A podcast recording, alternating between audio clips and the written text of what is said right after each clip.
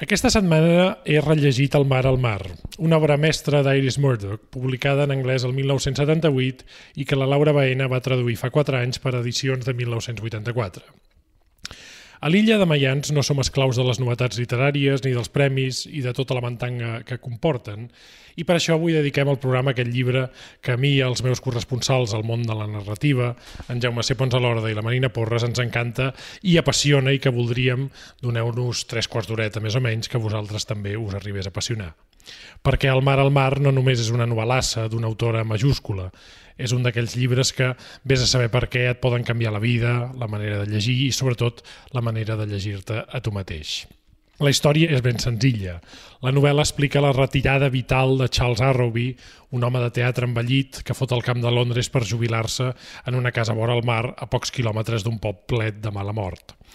En aquest indret, el protagonista es disfressa de Robinson, renega dels seus dies de fama i passa la seva existència nedant despullat pels matins entre les roques i preparant-se dinars i sopars austers però d'una gran meticulositat. La cosa s'anima quan el poble hi retroba el seu primer amor, Mary Harley, i s'obsessiona per tenir-hi un revival que, com tots els revivals, acaba desastrosament. Arrowby és un personatge adorablement sòrdid, des de tots els punts de vista. Avui en diríem heteropatriarcal, deixem-ho millor en egoista, egotista, egocèntric, traumatitzat, don Joan, manipulador, delirant... Vaja, totes les coses que m'encanten. Murdoch el descriu genialment, sense carnissar-s'hi, i fila magistralment la seva lluita absurda i ineficient per trobar-se sol en comunió amb la natura perquè, com us podeu imaginar, de sol res de res. Perquè per la seva caseta acaben desfilant tota una caterva de dones absurdes, familiars adoptats, amics i enlàters que són una autèntica bogeria. El mar al mar és una obra ideal per a qui mai hagi volgut escapar de si mateix, per a comprovar que la solitud és un impossible o una impostura intel·lectual fraudulenta i que, fet i fet, sempre vivim acompanyats, encara que sigui de les nostres misèries també és una obra fonamental per a qui vulgui escriure una novel·la, perquè Murdoch és una mestra del trem narratiu, de la situació dramàtica, dels diàlegs, quins diàlegs més ben fets, i dels monòlegs possibles, també. Un llibre brutal que no et demana llegir-lo, sinó que t'obliga a tornar-hi. Aquesta setmana he rellegit El mar al mar, un dels meus llibres favorits, una gran novel·la d'Iris Murdoch, però no ho he fet sol. Amb mi l'han rellegida en Jaume C. Pons a l'Orda i la Marina Porres. Soc en Bernat de Déu i sou a l'illa de Mayans, el podcast Dona Llibres. This is my island in the sun Where my people have toiled since time begun I may sail on many a sea, her shores will always be home to me. Oh, island in the sun, built to me by my father's hand, all my days I will sing in praise of your forest waters, your shining sun.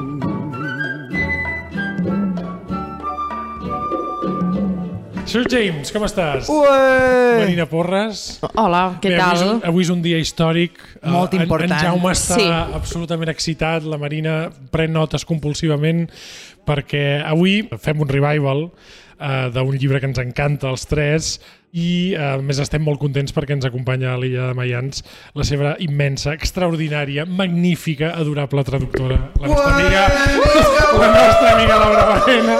Laura, com estàs? Això és una bogeria. És com... una bogeria, jo veig. Bueno, jo estic bé, estic bé, gràcies per les teves paraules. No sé si són del tot certes, però és un plaer estar aquí i moltes gràcies per haver pensat en mi. Només faltaria perquè és una feinada traduir aquesta novel·lassa, després ens explicaràs, vaja, et preguntarem com va arribar el teu el text fins a tu, quan de temps t'hi vas passar, perquè és una novel·la, ja avisem, molt llarga però que no es fa feixuga i avui, escolta, avui estem de festa. Se- Sempre tenim un to bastant informal, però és que aquest llibre ens xifla. Primer, abans de, abans de parlar per què, com que tenim un Murdochià brutal que és en Jaume, eh, per qui no hagi llegit l'Iris Murdoch, Jaume, què, què hem de saber d'aquesta senyora? Estic loco per na Iris Murdoch, estic super content que li dediquem aquesta a ella i estic eufòric que na Laura, traductora i editora, hagi vengut en aquesta nostra illa per poder parlar del mar al mar de Iris Murdoch, que és una autora tan bona que encara me sorprèn que no tothom l'adori. Per tant, que aquest, que aquest programa serveixi per contribuir-hi. Per qui no sàpiga qui és, se tracta d'una de les millors escriptores del món, però va néixer concretament a Dublín l'any 1919, per tant, fa dos anys van tenir centenari, eh, i al mateix temps era de família londinenca, son pare era funcionari i en aquell moment se trobava a Dublín, i ella se va criar a les millors universitats. Va ser així com va ser professora universitària d'Oxbridge i eh, va ser no només una gran novel·lista, va fer 26 novel·les, sinó que també va ser una autora de grans assajos filosòfics i una gran pensadora, i les seves novel·les no se poden separar dels seus postulats filosòfics. Els seus llibres són hereus dels diàlegs platònics, és una mm, autora platònica extraordinària, aquí veurem per què, i a més a més, al meu entendre, és la màxima hereva de les tragicomèdies de Shakespeare. Totalment. Això és absolutament... Havia de sortir. El, el, en William en està William molt bé que el, que el treguis. Havia ara. de sortir. Possiblement, El mar al mar sigui pensada i considerada la seva millor obra eh, jo m'atreviria a dir que molt probablement ho serà. I va mereixer el prestigiós Premi Booker a la millor novel·la eh, publicada en el seu moment. Per tant va ser un gran honor que va rebre també. Ningú ha parlat tan bé com Iris Murdoch dels sacsejos morals de la vida interior. Aquest llibre comença com unes suposades memòries d'en Charles Arrowby però se li escapen per mostrar-nos tot un portentós deliri extraordinari. Acabaré aquesta intervenció meva per dir que el mar al mar, el títol prové d'un poema d'en Paul Valéry, El cementeri marí, que va ser un poema que va acompanyar Niris Murdo durant tota la seva trajectòria. A l'unicorn, se mot citen textualment aquests versos i descobrim ja s'interès a les seves primeres novel·les. A The Time of the Angels hi ha un personatge que escriu un poema que s'assembla molt en això, però molt més patètic, evidentment, i és un vers que té a veure amb les guerres guerres del Peloponès entre els enfrontaments dels perses i els grecs, que és el mar al mar Tàlata, Tàlata, on se produïen les seves batalles marines. És una gran aventura i és meravellós que avui la puguem exaltar. Bé, com veieu, estem, estem superexcitats. A veure. A la llibreria on... Oh, Déu hi, ha, meu! hi, ha un, hi ha un tema... Abans, abans de que digui uh, el, alguna cosa a la Marina, Laura, com arriba aquest text a, a, la, a les teves mans? L'havies llegit abans? Havies llegit Murdoch abans? Era la primera novel·la que llegies? I sobretot, com va ser el, el, la feinada de traduir això? Perquè això, deixa'm veure, són 713 pàgines que no, deuen ser fàcils. Però com, com el descobreixes, aquest text? Jo aquest text el vaig descobrir gràcies al Josep Cots, era una de les seves dèries. A l'editorial ell sempre es passejava amunt i avall i deia hem de fer la Murdoch, hem de fer la Murdoch. I jo, per a mi, Murdoch era un llibre que allò, xafardejant a la, a la biblioteca familiar, teníem sota la xarxa en, en la versió de la Montserrat Avelló. I jo vaig recuperar aquell llibre d'unes caixes que tenien els meus pares i el veia amunt i avall, amunt i avall, hem de fer la Murdoch. I jo en aquell moment havia acabat de traduir La senyora Craddock, del Somerset Maugham, i estava... Magnífica novel·la, Sí, també, molt que bona, recomanem molt bona. Sí, sí. abastament. Sí. Era un moment en què no, no estava del tot equilibrada i vaig dir, calla, que te la faré jo. Fantàstic. és, una, és una sàvia decisió. m'encanta. És una sà... I no, no, vaig- si mai ningú té problemes sentimentals, morals, que, que, no, que, no, que no es posi a traduir No ho novel·la. provin a casa seva, sisplau, no. Això estic És molt d'acord Que vagi l'osteòpata, que vagi el psicòleg, però que no es pot traduir aquesta novel·la, eh? Mare meva. I vaig caure en aquest pou i primer, com ha dit ell, és una novel·la que sembla senzilla però és complicadíssima perquè té capes i capes i capes i la vaig traduir durant quatre anys i anava, eh, era com una ceba, anava pelant, anava pelant i vaig estar bastant desesperada. De fet, tota la saba traductora que tenia dins del meu cos se l'ha quedat la Murdoch. No crec que tradueixi mai més. Perquè tu vas estudiar... Va, Oh, perquè no tu vas, això. Perquè tu No, no, vas no. estudiar traducció, si no recordo Jo vaig malament, estudiar traducció i interpretació, però no sé, crec que van ser quatre anys que va ser un viatge fantàstic. És una novel·la que també parla molt del matrimoni. Jo em vaig divorciar en aquest període, vull dir que la Murdoch... És una de les víctimes.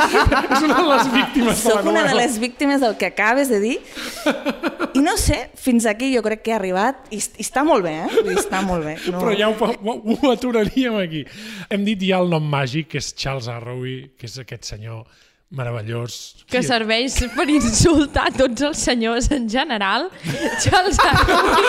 bueno, bueno, bueno, bueno. Calma. Cert tipus de senyor. Per, per als oients que no l'hagin llegit, qui, qui és aquest senyor i per què és tan interessant aquesta, aquesta Doncs novel·la? aquest senyor és un d'aquests agòlatres insuportables, pesats, vanitosos, un pou sense fons de persona que es creuen que tot el món gira al seu voltant i que la gent del seu voltant, i en aquest cas nosaltres com a lectors, com passa a la vida real, per algun motiu ens atrauen i penses, com pot ser que estigui enganxada a la veu, al posat, a tota l'absurditat de la vida d'aquest home. Un senyor que diu explícitament, diu, què són les dones si no refugis? I que per tant es passa la vida bàsicament fent servir a les pobres senyores que es posen al seu abast com a refugis de totes les seves merdes. Llavors, això... Mai, mai tan ben explicat.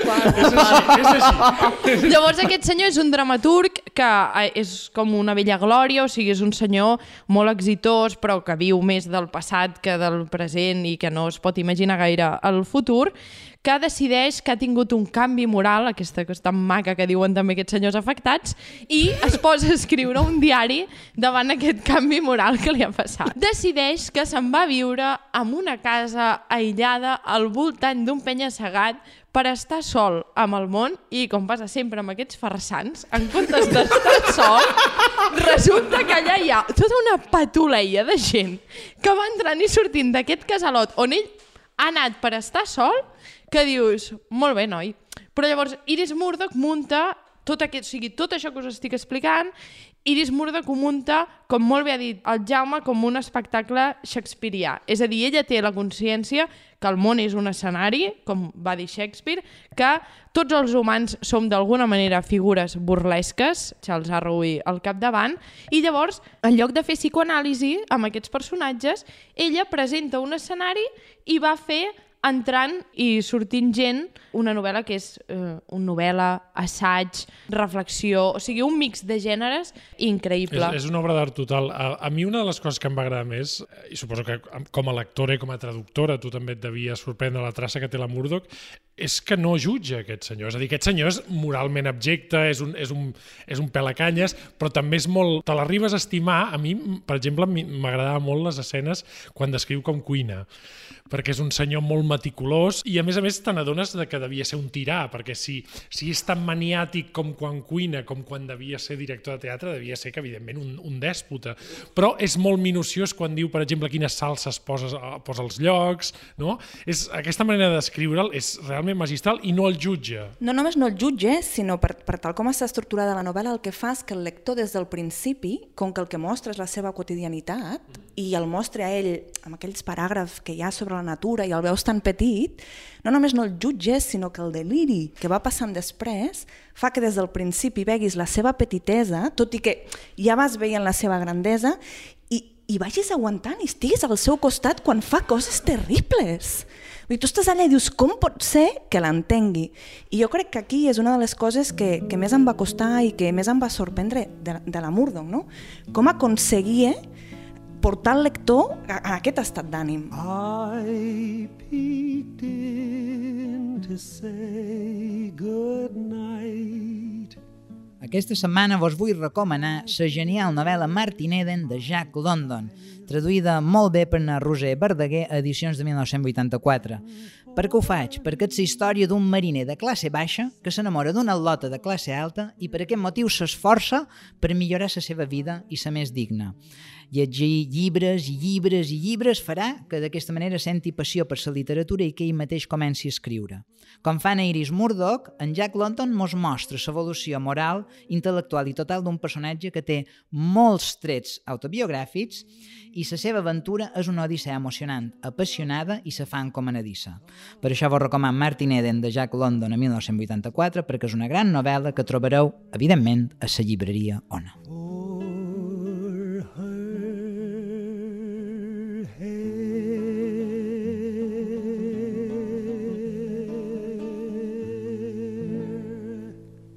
I, també hi ha una cosa extraordinària, ara, ara parlarem de la gent absurda que va entrant en aquesta casa. l'habilitat grandiosa que té amb els diàlegs. És a dir, es nota que, es nota que, que la cultura anglesa i la cultura americana venen d'un nivell teatral i de lectura teatral que nosaltres no tenim. La naturalitat dels diàlegs és brutal. Però és que aquí és on jo crec que hi ha el salt de les coses profundes a les coses ridícules i lleugeres. O sigui, és un salt que ella domina constantment i tu com a lector passes de, de, de, de, de trossos o, o fragments més pesats a coses lleugeres, gairebé de vodevil, i rius. Vull dir, és, jo trobo que és un llibre absolutament deliciós i delirant a la Fa vegada. molt, Sí, fa sí, molt sí. de riure, fa molt de riure. I llavors, eh, per explicar ben bé l'argument, eh, Jaume, no només aquest personatge és absurd, sinó que a sobre, en el poble on va comprar de tant en tant, troba el seu primer amor. Sí, això és una cosa que sembla inversemblant, uh -huh. però la inversemblança és un dels trets característics de Neiris Murdo, perquè, perquè ell entén la literatura, i en aquest cas la novel·la, com una espècie de laboratori. El laboratori on la moralitat de les persones és capaç de projectar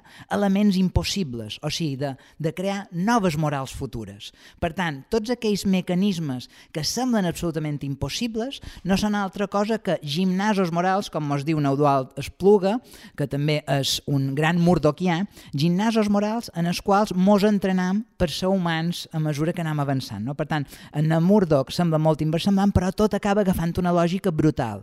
I això és un concepte que ell agafa de Simone Weil, que és l'empatia, que és l'atenció de cara a l'altre i se mos mostra la diferència entre imaginació i fantasia. Imaginació, aquesta capacitat de posar-se en la pell de l'altre. Fantasia, aquells monstres que generen els seus propis mons, agòlatres i estan tancats. En Charles Arrowy és víctima de les seves fantasies. Per tant, amb què mos trobam, que m'ho demanaves ara, Benan, mos trobam amb aquest personatge que se troba vivint en aquesta casa, una casa horrorosa, que no té que ni, no- no té ni no aigua... no funciona ni- res. No funciona res, no té ni aigua calenta.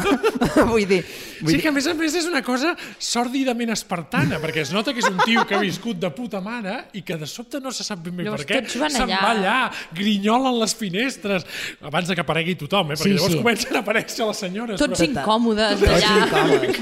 Dius, què fot aquest Però imbècil això, aquí? sí, sí, però això és Shakespeare també, i això explicaré per què. I resulta que per una casualitat del destí, resulta que és el mateix poble on hi ha la seva primeríssima ex, na Mary Harley Smith, que resulta que està emparentada amb un ex-soldat i ex-bomber igual de sòrdid que en Charles Arroby, o sigui que el va deixar ahir per anar de Guatemala a Guatepeor, saps què t'ho vull dir? I resulta que se troba amb una amb una locura, amb un deliri de dir recuperaré el meu primer amor de joventut perquè resulta que va ser ella que el va deixar ell i no ho pot tolerar de cap de les maneres. Vale, per tant, això és el punt de vista eh, inicial i et s'inicia la trama. A partir d'aquí venen les referències shakespearianes que vos de per què ho abandona Londres? Per què ho abandona tot? Perquè fa com Pròsper de la tempesta, que abandona els seus poders i per tant decideix arribar a una accessis moral impossible, perquè arriben les criatures màgiques, Ariel i Caliban, que el persegueixen. Ariel és na Lizzie, una examant seva, que ara resulta que s'ha emparentat amb un gay d'ençà que no està amb en Charles Arrowby, cosa incomprensible. En, Bueno, o, Bueno, o, bueno. o comprensible. Bueno, bueno, incomprensible. I després, en Gilbert és un calibà que resulta que també està mig enamorat d'en Charles, en la qual cosa van apareixent i desapareixent. També tenim na Rosina uh, Van Burg i el seu ex, en Peregrine Arbelow, que evidentment na Rosina també és una ex amant d'en Charles, que va, a qui va obligar a deixar el seu marit, per tant el seu exmarit també ve de tant en tant ben emprenyat, i entremig després mos trobam amb el cosí d'en Charles, amb el qual també hi ha un egoisme frenètic, perquè són com totalment la cara i la moneda de- És d'aquestes un bon distincions noi, és servicial. és budista, la qual cosa ja, ja, ja ho tenim tot, no? Per tant, aquest és el plantejament, entrades, sortides, i el que tenim sempre en totes les novel·les de Neiris Murdoch, suspens i una trama que se mou en xocs, en torbacions, en sorpreses, en revelacions i punts de gir constant. És una novel·la que dius, Déu meu, Déu meu, Déu meu, tota l'estona. I el que és increïble, Laura, també, que és que jo, jo la llegia i li- literalment al·lucinava, és aquesta sensació, jo diria, de vodevil, no? Total, perquè hi ha un total. moment, hi ha un moment perquè tu dius, bé, aquest home s'ha muntat la pel·lícula d'anar-se'n sol allà. Dius, bé, de sobte hi ha aquesta cosa tan catastròfica que diuen el tema catastròfic de Shakespeare, que és la retrobada amb el primer amor. Però és que de sobte comença a venir ja tot Cristo. El tio vol estar sol i no, no hi ha dia que no li toquin els collons. I a sobre, per si fos, per si fos poca la cosa, adapt, adopta un fill. Que això, que això ja és... Però Però, perquè no vol estar sol. és Clar, tot una, mi és tot una és farsa de dir un senyor que se'n va allà, un senyor que no aguantaria ni dos dies sol, o sigui, que necessita l'atenció constant de tothom. Clar, perquè la vanitat total- necessita dels altres, totalment. no? Aquesta és la lliçó de la, de que la va ser que novel·la. ell creu que vol fer, ell creu que vol netejar-se, ell creu que, que d'alguna manera el personatge de la Harley jo crec que es torna al, al passat, a la innocència, però tot el mal que has fet et persegueix. O sigui, tot el mal que has fet, totes aquelles dones a qui has destrossat, ferit, no, et buscaran, et buscaran perquè hi ha aquell vincle amb tu, no? Llavors, ell d'alguna manera vol aïllar-se per purificar-se, però és que allò és impossible. Quan el traduïes eres conscient de tots aquests referents o és una cosa que has, anat descobrint després? eh? A veure, jo vaig estar quatre anys a fer el llibre, tenia la primera versió jo crec que cap allà als dos anys, i llavors allà va ser quan, quan vaig poder agafar una mica de distància i començar a veure totes aquestes coses. Però també ara cada vegada que el torno a agafar i l'obro, m'adono de punts de vista que, que se'n van escapar. Vull dir, és, és, és un llibre que és molt complex de traduir per, per al que dèiem abans, perquè a més a més està salpebrat de referències filosòfiques, literàries, és molt difícil traslladar això a, a una altra llengua sense, sense deixar-te algun punt no? de, de tota aquesta globalitat. Fa molta enveja dels escrits doncs, anglosaxons venir, eh? com tot aquest nivell filosòfic de cites no és mai pedant, perquè en el fons és una novel·la d'un estil claríssim, els diàlegs són, són teatrals, són molt... molt... Bueno, i aquesta capacitat de subjugar 50.000 trames a una idea principal i fonda de només estimem una vegada la primera. Aquesta és com una de les idees fortes que vertebra el text. Llavors a aquest senyor li passen tot de coses, però bàsicament aquest llibre, durant tota la novel·la, és la lluita d'un senyor contra els seus fantasmes i la idealització de la seva joventut. És a dir, ell està intentant tota l'estona tornar a, a un paradís perdut que en realitat eh, s'imagina més que coneix, com sempre, i que no ho pot aconseguir. Llavors, això arriba a un punt que ell troba la seva primera dona, o sigui, la seva primera nòvia, diguéssim, el seu primer amor no s'assembla gens al que, evidentment, era quan era el seu primer Clar, com, amor. Com, com qualsevol per tant, persona, perquè ha canviat moltíssim. és la idea obsessiva de voler recuperar alguna cosa que ja no existeix des d'ella mateixa. És a dir, ella és una noia també bastant absurda, en realitat. Sí, sí, Vull dir i, que... i a sobre té, el, té el, com a bon director de teatre vol canviar-li la vida, és a dir, Clar. en el mm. moment central de la novel·la se l'emporta, o sigui, arriba pràcticament, bueno, no, pràcticament no, la, la La segresta, la segresta La directament. segresta, però és que aquesta dualitat es veu en el mateix personatge en què moments la, la descriu des del somni, des de la idealització i d'altres des de la realitat. I tu estàs allà llegint i dius, però a veure, és la mateixa persona?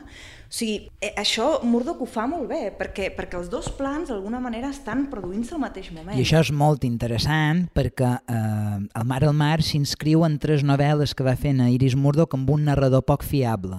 El tema és que ella se va proposar, que era una crítica que li feien els crítics literaris, que ella sempre fa servir un narrador omniscient, un narrador Déu que ho sap tot, i li dan és una persona massa platònica, de massa d'extrems. Aquesta persona no se sap ficar en la pell dels personatges, que això és una cosa que ella li sabia molt de greu i a les entrevistes en The Paris Review ella lamenta que considera que els seus personatges no són tan emblemàtics com els de Dostoyevsky o Dickens. Jo no estic gens d'acord amb ella, perquè mos queden clavats personatges com en Charles Arrowby. Però ella va voler fer una cosa diferent, i és donar veu a malparits. I això ho fa tres novel·les. Ho fa al Mar al Mar, ho fa al Príncep Negre i ho fa a Wardchild. I tots tres no només són narradors poc fiables, com ho podria ser el narrador de Lolita de Nabokov, tenim el punt de vista d'un fill de puta, sinó que a més a més són tres artistes. Per tant, la moral final de Iris Murdoch, que això era una cosa que ella va arribar a fer a través dels seus postulats, era que ella entenia l'art com una forma de grandesa espiritual, però que lamentablement grans artistes no eren grans persones. I aquesta dualitat, que és molt potent, ella ho porta aquí fins a les màximes conseqüències. Per què tenim empatia d'ell? Perquè tenim el seu punt de vista, perquè mos ho explica en primera persona i quedam subjugats pel monstre, cosa que demostra la capacitat gran que devia tenir com a director teatral perquè fa que tothom Clar, veiés això- el seu son, això- això perquè nosaltres acabam veient el seu son. Això, això t'anava a dir, Laura, clar, la Arrowby és un manipulador també del lector. Totalment. I, aquest, I aquesta és la gràcia, és a dir, Totalment. que, que tu te'l va, te- tu te'l vas creient i al final penses, pobre, pobre tio, no? Perquè, clar, un home que vol estar sol i de sobte se li presenta allà tot Cristo doncs tu acabes també empatitzant amb aquest... Amb aquest fins, al final penses que l'assetjador és l'assetjat, perquè al final allà no es presenta l'apuntador perquè no té temps, diguéssim. Totalment. I a més a més això del narrador poc fiable també és molt divertit amb el tema dels menjars, perquè ell parla com si fossin exquisideses, però la majoria de menjats semblen horrorosos. I dius, Jo recordo quan hi ha un moment que reivindica... Te'n recordes quan reivindica la salsa ketchup? Que el, el ketchup és una salsa... No? Aquesta... Clar, és que és terrible, és terrible. I tu estàs allà i has de llegir dues vegades i dir, però què m'està dient? Si això és fastigós. això ho vaig anar descobrint al llarg de tot el llibre, perquè això, que, que és tan clar amb el menjar, passa amb tot, amb els personatges, amb com els escriu, amb, amb com els manipula, amb com els maltracta. És un maltractador terrible. I estan tots allà perquè és la seva llum. I aquí és una mica el carisma, no? Com algú és tan carismàtic i tu com a lector també estàs allà a la seva llum. I és aquí on, on Murdoch a mi em, em feia flipar. Sí, a més a més, jo diria que no podria ser un altre personatge que el que és, perquè té molt sentit que sigui un director de teatre. És a dir, al final, el que tu estàs veient eh, amb amb tot aquest vodevil de gent que va entrant, el fill, que és un personatge... Que se diu Titus, que se diu Titus. Que es diu Titus, però que vés a saber si es diu Titus o no es diu... Dir, Al final, però al final, la, el Mar al Mar és l'obra de teatre que està dirigint Charles Arrowy en el seu intent de fuga de la vida, no? Podríem dir. I en el seu intent de semblar una bona persona. O sigui, de corregir un passat que, que, que, que com deia abans, és incorregible. Mm. Però sí que és molt bonic això de l'ambigüitat del mal, o sigui, perquè sí que és veritat que aquí et queda rendit en aquest personatge perquè és això que deies, és a dir, que irradia llum. És a dir, tots els altres personatges, en realitat, no pots empatitzar amb ningú, perquè són massa titelles. En canvi, l'única persona que, que fa llum d'aquesta novel·la és Charles Arrowy i tots els altres van també a buscar la llum com gossets, que això també és una crítica molt bona, diguéssim, o sigui, una capacitat molt gran per veure la psicologia de la gent per part de Murdoch, que és precisament la crítica en aquesta gent que va per la vida deixant que li passi les coses per sobre, és a dir, sense tenir cap idea a defensar, i llavors et passa que acabes anant a darrere de gent com, com Charles Arrowy. Totalment, però és que això sabeu que en Charles Arrowby no només és un devorador d'aliments estrafolaris, és que és un devorador de persones estrafolàries, també. I és un, és un, és un gran director És un Don. Joan, en el fons. És, és un Don Joan. I, I, aquesta cosa de la fascinació és normal, és a dir, quan tu veus l'òpera de Mozart o l'obra de Molière, t'agrada, com a, o com a les pel·lícules de James Bond, a vegades t'agrada el dolent, perquè penses, Sí. hòstia, aquest tio mola molt. Però jo crec que la Murdoch aquí també inclou el personatge del cosí, que és sòlid i que ha trobat i que ell també té la seva pròpia llum, que és aquí on, on es veu l'enveja real que ell té. I gràcies a aquest altre personatge pots valorar la resta. Jo, jo crec que això és molt hàbil, perquè és una tríada, no? Els, els sòrdids que el persegueixen, ell, que és aquell ésser de llum dèspota, egòlatra, i el cosí que d'alguna manera està com, com arrelat amb una cosa més mística, que també hi és molt al llarg de la novel·la, aquest Sí. misticisme. I a més a més passa que és molt curiós perquè Escosí arriba també per fer-li una visita sembla ser que hi deu una espècie de romans o qualque cosa que de mig enamorament d'en Charles, que evidentment el detesta perquè és un ésser lluminós, Escosí, però en persona en qui parla en James és persona que queda fascinada per ell. Parla amb en Gilbert, diu, ai, que bé que hem parlat.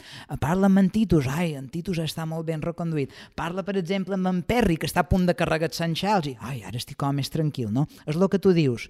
I això veix a la dicotomia que sempre fa en Iris Murdoch a les seves novel·les i que en Peter Conradi va analitzar en un llibre que se diu The Saint and the Artist, el sant i l'artista. Sempre hi ha totes les novel·les d'en Murdoch un sant o una persona que busca la santedat, ho veiem en totes, en aquest cas és en James, que en el final acaba fins i tot amb un final molt místic, i a l'altra banda tenim l'artista, que és el monstre, que és aquell ésser tancat en les pròpies obsessions, però capaç de crear una fascinació.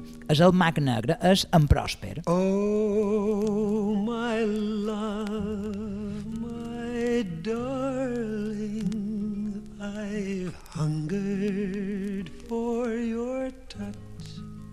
Aquesta setmana us vull recomanar Les quatre cambres del cor, una novel·la d'Anaïs Nin. És una novel·la que crec que lliga molt bé amb El mar al mar, precisament perquè és gairebé el seu contrari. Al mar hem vist la masculinitat forta, fortíssima de Charles Arroway i les argúcies que fa per embolicar-se i desembolicar-se amb tot de senyores i en canvi Anaïs Nin sempre fa servir unes narradores que són unes dones que estan a les antípodes d'aquest tipus de mascles. Presenten un amor molt femení, molt subtil, molt ambivalent, que crec que us pot servir per posar la cara contrària al nostre amic Arrobi.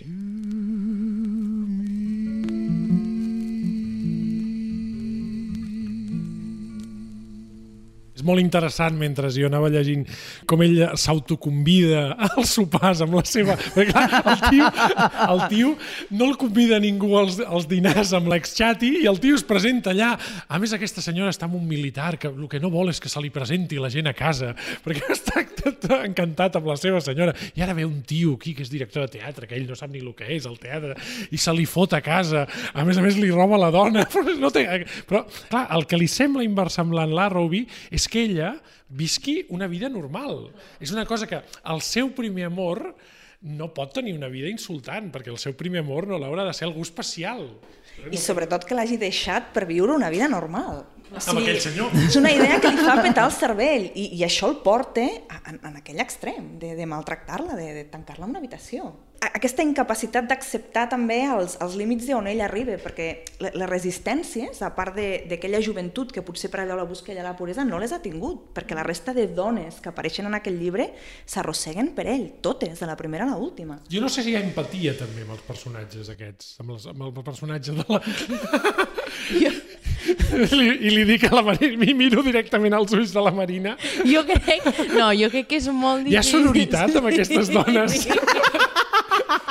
Marina Porres. Jo crec que és molt difícil empatitzar amb cap d'aquestes dones estúpides que apareixen en aquest llibre perquè realment és com tot de gent que rendeix massa fàcil pels motius sempre equivocats, perquè més en realitat són senyores que només busquen validar la seva vanitat i clar, això és terrible perquè és, les veus gairebé més terrible que el, que el Charles, perquè clar, el Charles està boig, però és, doncs, és ell mateix. En canvi, aquestes noies busquen construir-se a partir d'ell i llavors és aquesta cosa de uh, arrossegades que de, Bueno, és que ell és un ésser vanitós, de- però que si més no la vanitat li ha servit per crear. Clar, i llavors, No? però sí que És Al final ell ha estat un artista, encara que sigui matxacant els altres, però ell ha deixat un llegat, diguéssim. Clar, però el que no suporta és, i això sí que és el que acaba d'explicar la Laura i que es veu molt bé, és que hi hagi alternativa en això, com tots els tirans. És a dir, el que no pot suportar és que algú decideixi viure una vida, eh, això, normal. I de fet hi ha al centre de la novel·la també una reflexió i una crítica sobre el matrimoni que també passen en altres llibres de, de Murdoch, que en realitat es veu el matrimoni gairebé com una destrucció moral. És a dir, porta la, la reflexió fins molt endintre. No hi ha un moment que el narrador diu, clar, diu, és que qualsevol matrimoni que perdura es basa en la por. Llavors, clar, com que té aquesta idea al centre de, del seu ésser, no pot, clar, suportar que el, el seu primer amor estigui casada i més amb algú així. O sigui, que prefereix de les desferres humanes de senyores que, que el persegueixen que no cap altra cosa. I a més a més, quan el seu primer amor està casat amb algú que es veu evident a la novel·la que tenen problemes sòlids, no saps fins, fins a quin punt aquells problemes hi són, però que malgrat perdre un fill, malgrat tots aquells problemes, marxen junts, és a dir, que lluiten mm -hmm. per al seu matrimoni, que serà imperfecte, però hi lluiten. És aquí on la Harley, d'alguna manera, jo crec que és la dona que, que sí que salve, que es va salvar d'ell llavors i ara. Tingui o no tingui una vida feliç, eh? amb això ja... Clar, també per... I aquesta és la part com més cruel, trobo jo, per inconsciència. O sigui, que ella Totalment. és com que ni es fa aquesta reflexió. Llavors, clar, Arroway, que ha dedicat tota la vida o sigui, a pensar sobre les emocions humanes i a pensar sobre les causes i les conseqüències dels actes, que tu se t'aparegui algú que es resol la vida eh, amb més felicitat que tu i sense pensar-ho, clar, és, Sí, és de fet, tràgic. està magistralment eh, escrit com ella és, una, és un personatge silent. Sí. És a dir, quan, Sí, la, sí, sí, quan sí. se la guarda a casa, ella està és a dir, sur... Resignada, més Clar, o menys, i treta sí, del sí. seu entorn natural és com una bestioleta, no? Com un Eh, pollet engaviat. La imatge és d'un poll que, que l'han ficat allà a xop i que no se mou i ah, reacciona, no, estàs aquí amb mi, no sé, clar que no, perquè m'han tret del meu mitjà natural. En aquest sentit, ell entén el matrimoni com una via de normalitat, però vol arribar en, en aquesta vida casolana, que és la vida casolana que tenen, que pot ser una merda, però és la seva merda. I això és una cosa que defensen molt en Ben. I en aquest sentit, això se nota molt el fet de, fins i tot ell li canvia el nom en Charles, perquè en Ben li diu Mary, però ell li diu Harley. Ella no se sent identificar amb el nom. I sabeu que la manipulació d'en Charles arriba fins i tot a manipular els noms de les persones properes. En Pere Grain, per exemple, no li agrada gens que li diguin Perry, doncs Perry li diu tota l'estona, pels seus sants pebrots. Per tant, és un personatge que vol inventar-se el món, però en el fons el problema que té és que és un Peter Pan. En, en un moment de la història explica que l'obra que més va disfrutar dirigint era Peter Pan d'en James Matthew Barry. Això, Nairis Murda mos està dient, és un Peter Panisme que pateix, no ha eh, madurat... Sí, sí, i, no, i se, viu no se sap fer vell com, com tots els Don I no Joans. se sap fer vell. Sí, sí. Per, I això se'n va, per, per això se'n va nedar al matí Es- despullat, que és una cosa absolutament espantosa allà, com si fos, com si fos una donís, i dius, home, Sí, sí, tio, sí. si ja fots cagar, home. Per no. favor. Sí, sí. Però ell se n'hi va i es posa allà com si fos un sireno. És, és tremabunt. Uh, escolta, Laura, una cosa que et volia preguntar, perquè te, tenim molt poc temps. Aquest és uh, un llibre que no només vas traduir, sinó que vas ajudar a editar, perquè treballes, formes part del, de la gent de 1984. I jo no sé si té fans tan bojos com nosaltres, que som un tipus de persona molt estranya. Peculiar. Però sí que és cert que suposo que deu ser un llibre d'aquells que té una vida molt llarga, perquè és un llibre que, vaja, no és, no és que sigui fàcil de llegir, és un llibre llarg.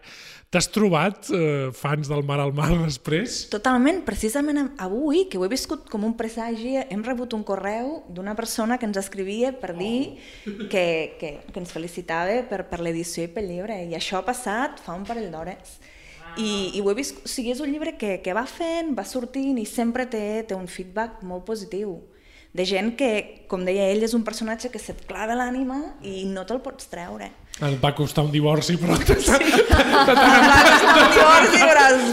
de tant en tant et, et recorden... Nosaltres eh, recomanem molt aquest, aquest llibre, part, és un llibre molt divertit, com veieu, Ah. ens ha sortit un, un A més, programa molt sí que, punky, eh? sí que s'ha de dir una cosa, que clar, és un llibre eh, llarg, o sigui, que això sí que s'ha d'entendre que en realitat és un llibre de joc, com ho ha explicat el Jaume superbé, i que Murdoch en realitat no vol resoldre la trama mai, perquè com de la mateixa manera que Charles es nega a acceptar la realitat. Llavors, Sí, és sí, podria, tot... durar, podria durar sempre. Clar, sí, sí, és un joc que es converteix en anar una estira i arronsa constant amb el lector que en realitat et fa partícip ja tu de la bogeria des de, des de la meitat que penses, va, això ja es I és, resoldrà. I és un llibre molt interessant, que això no és, seria tema per un altre programa, de veure qui te'l regala i sobretot a qui el regales, perquè Sí, quan sí, sí. regales un llibre sobre Charles Arrow i algú, és, és, és una... Jo l'he regalat a, bast- a bastanta gent aquest llibre i, i, i se m'ha intentat regalar, tot i que jo ja el tenia, i és un llibre molt simptomàtic, és a dir, si te'l regalen és, és allò de dir... Coneix vostè Charles Arrowy? Vull dir, cuidado, si us el, si us el regalen, llegiu-lo, però hi ha, hi ha un editorial, és a dir, és un, regal amb editorial. Sí, sí, jo només volia dir que molta gent s'espantarà a les llibreries o en els llocs veient un totxaco És de totxaco, 700 sí, sí. pàgines ai, ara m'he posat... Jo conec casos de persones que l'han començat un vespre i el dia següent l'han acabat, eh? I això diu, és impossible. Na Murdoch enganxa. Uh, jo t'agraeixo molt que hagis vingut, Laura, i a més a més jo haig de dir públicament que m'estimo molt uh, aquest llibre també perquè va ser l'excusa per conèixer. La seva traductora, que a banda d'una traductora excel·lent, és una amiga, uh, com us ho heu pogut imaginar ja per aquest to que hem gastat avui, de les millors que tinc, i és un regal per la meva vida. Moltes gràcies, Marina, moltes gràcies, Jaume, i Ué. vinga, som-hi, a llegir el mar al mar. Som-hi.